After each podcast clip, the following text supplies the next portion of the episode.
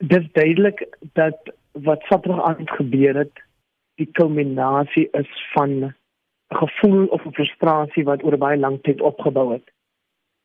Mense wat gereeld na die Wesley kommentaar kyk vooraf tussen wel met met halftime en na die Wesley sou oor 'n tyd lank kon oplet dat die dat daar spanning bestaan maar die meeste van die tyd goed bestuur is deur die rolspelers.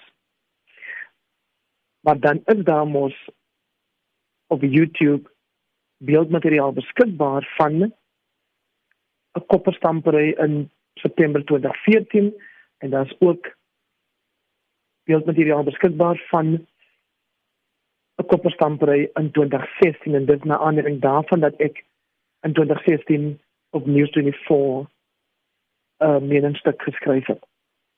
So Saterdag aand het eintlik lank reeds begin en het net Saterdag aand breekpunt bereik. Dis die frustrasie van iemand wat in wat hy gesê het en wat ons nou weet ons wat gereeld kyk na die uitsendings.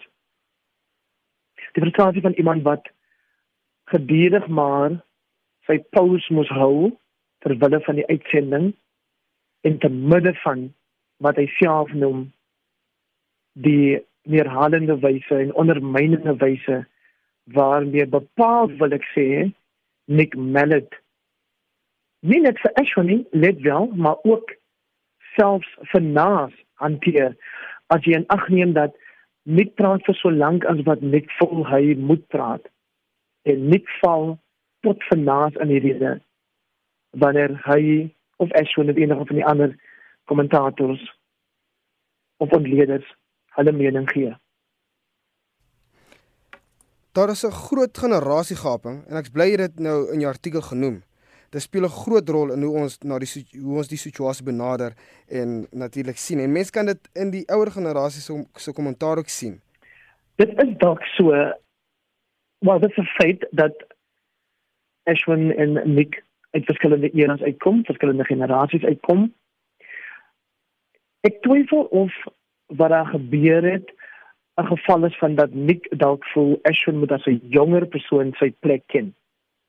Ek dink dit het dalk meer te doen met die onderskeie kommentators se persoonlikhede. Nick is van nature 'n baie dominerende persoonlikheid. En dit sê mense wat hom baie langer ken as as wat ek hom ken of wat ek ek en die, die kykers hom ken. Hy was dit as speler, hy was dit as afrigter, hy is dit as kommentator of analis. En dit is belangrik in elk geval dat wanneer jy die platform deel dat jy mekaar as gelyke moet aanvaar. So ouderdom speel nie 'n rol nie. Die aantal toetse wat jy gespeel het, moenie 'n rol speel nie. Die aantal drie wat jy gedruk het of skepskoppe wat jy oorgesit het, moenie 'n rol speel nie. Die paneel is daar om 'n goeie rede, juis om verteenwoordigend te wees van die diversiteit van die die gemeenskap, die die spelende gemeenskap, die die kykende gemeenskap. So ouderdom moenie tel nie, kleur moenie tel nie. As ek sê toetsloopbaan moet ook nie tel nie. Dit moet hier gaan oor dat jy jou insig oor die wedstryd en jou insig oor die sport vanuit jou unieke invalshoek moet deel met die kykers en as jou mede-aanbieder of mede-kommentator daarmee saamstem of nie, is dit nie belangrik nie, dit is van akademiese waarde. Maar jy mag verskil, jy moet net beleefd en beskaafd verskil. En 'n mens kry nie altyd die indruk dat dit die geval is nie. Hmm. Nou, dit het ook 'n uh, senuwee in die breingemeenskap geboor hierdie insident. Dat dit 'n senuwee geraak geboor in die wit, bruin en swart gemeenskappe van Suid-Afrika. Hmm. Veral as jy kyk na die reaksie op Twitter. So, vir baie swart mense gaan dit minder oor rugby en meer oor die afjak wat hulle baie keer nog moet verduur of aan blootgestel word. Doodgewoon omdat hulle 'n ander velkleur het. Vir mense wat dit beken, die mense stem saam dat Ishwan se rekord as speler, dit spreek van self. mense wat die storie ken weet ook dat hy kom van die soort agtergrond waar uit baie kinders kom en nooit die hoogtes bereik wat hy bereik nie want hy's nie van een van daai sogenaamde tipiese springbok lewerende skole hmm. nee hy is van 'n staatskool op 'n platlandse dorpie uit 'n bruin buurt uit. Hy het om die waarheid te sê toe hy die geleentheid kry om te skuif na die wit skool op die dorp het hy net dankie gesê daarvoor. So vir die meeste mense wat nie wit is nie is dit 'n gedeelde ervaring. Dat self al weet hulle niks van rugby nie weet hulle van daai gevoel van afgejag word verneder word uh, gemarginaliseer word gepatroniseer word en vir baie wit mense is die onmiddellike reaksie om om defensive te wees want hulle beskou die reaksie van die swart kant as 'n aanval op wit mense. Al twee is ewe jammer, maar al twee is iets waarvan mense begrip moet hê as jy in die land groot geword het en as jy in elk geval jou jouself behoort te hou van die sosiale of die samelewingsdinamika.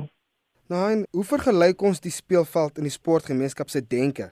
Want die tendens om spelers van kleur te veroordeel as kwota spelers, dit is belangrik dat die bestuur van Super Rugby as daar nie een bestaan nie, 'n gedragskode vir die aanbieders of kommentators moet opstel. En dit moet bepaal as dit nie tans die geval is nie dat jy eerlik moet wees in jou kommentaar maar ook sensitief moet wees oor die dinge van die land. Want mense maak die argument dat as 'n swart speler noodwendig as 'n kwota speler uitgekry word, ook deur die media natuurlik, veral wanneer die swart speler 'n goeie dag op die veld het nie. Waaraan word die wit speler se swak vertoning op daai dag toegeskryf? En ons weet dat SRB se eie transformasie teken stel ook 'n kwota vir wit spelers. 50% wit, 50% swart en die swart word opgedeel tussen 30 African en 20 bruin. So rugby moet ek sê nie if I rugby supersport moet verantwoordelikheid neem dat hy 'n ding wat vir so lank al aankom nie tot op die stadium lyk dit vir 'n mens enigstens bestuur het nie. Daar is vir baie lank al ongelukkigheid onder bruin rugby kykers wat vra hoekom word daar net na die sogenaamde wit skole verwys? Die seun hierdie speler is 'n produk van Senema Paul Roos of hierdie speler is 'n produk van Waterkloof. Maar jy hoor weinig Ashwin Willemse is 'n produk van Swartberg Sekondêre op Caledon. Of as daar 'n swart speler in die groep is wat nie van een van daai bekende sogenaamde top rugby skole kom nie word dan nie verwysing gemaak na die skool waarvan daai speler kom nie. Dat dit dis met 'n klomp van daai soort onderliggende spanninge te doen. Die speler wat wit is se pa se goeie prestasie by 'n wit klub of 'n wit skool sal van melding gemaak word. Maar nie byvoorbeeld die speler wie se pa in die apartheid jare onder die Sakos vaandel gespeel het, die sogenaamde Destiny Saru vaandel.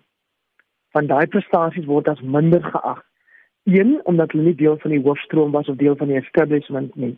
Maar omgekeerd sê baie mense sou 'n Nasbota of 'n Nick Mallet springbok geword het as hulle werklik teen die beste in die hele land meegeding het of is dit omdat hulle eintlik maar destyds ook in 'n wit kwota span gespeel het? 'n span wat saamgestel is net uit wit spelers omdat apartheid bepaal het dat swart en bruin spelers nie in die span mag wees nie totdat Errol de Baai in 1981 of liewer 1980 springbok geword het. En die stryd wat hy toe moes voer vir aanvaarding vir 'n gelyke geleentheid in die span Die stryd hier ongelukkig nog voort soos wat Tando Manana se boek ook vir ons duidelik uitspel. Die moeilikheid is dat baie bly stil of dit nou in die rugby span is of dit nou in 'n korporatiewe omgewing is Mense bly stil ter wille van oorlewing. En Ashwin Willemse het daai reël oortree Saterdag aand toe hy op die lig homself uitgespreek het teen die ervaring waarin iemand soos hy blootgestel word. En dat dit op so 'n kalm wyse kon doen. Spreek ook boekdele oor sy emosionele volwassenheid. Ten spyte daarvan dat die media woorde gebruik soos woede en uitbarsting en 'n rassetirade en afgestorm van die van die van die um, stel af. Dit is nie waar as jy kyk na die beeldmateriaal wat beskikbaar is nie. So om op te som win sê ek eintlik maar Supersport het nagelaat om die situasie te bestuur en hier is nou geleentheid vir hulle om dit te doen.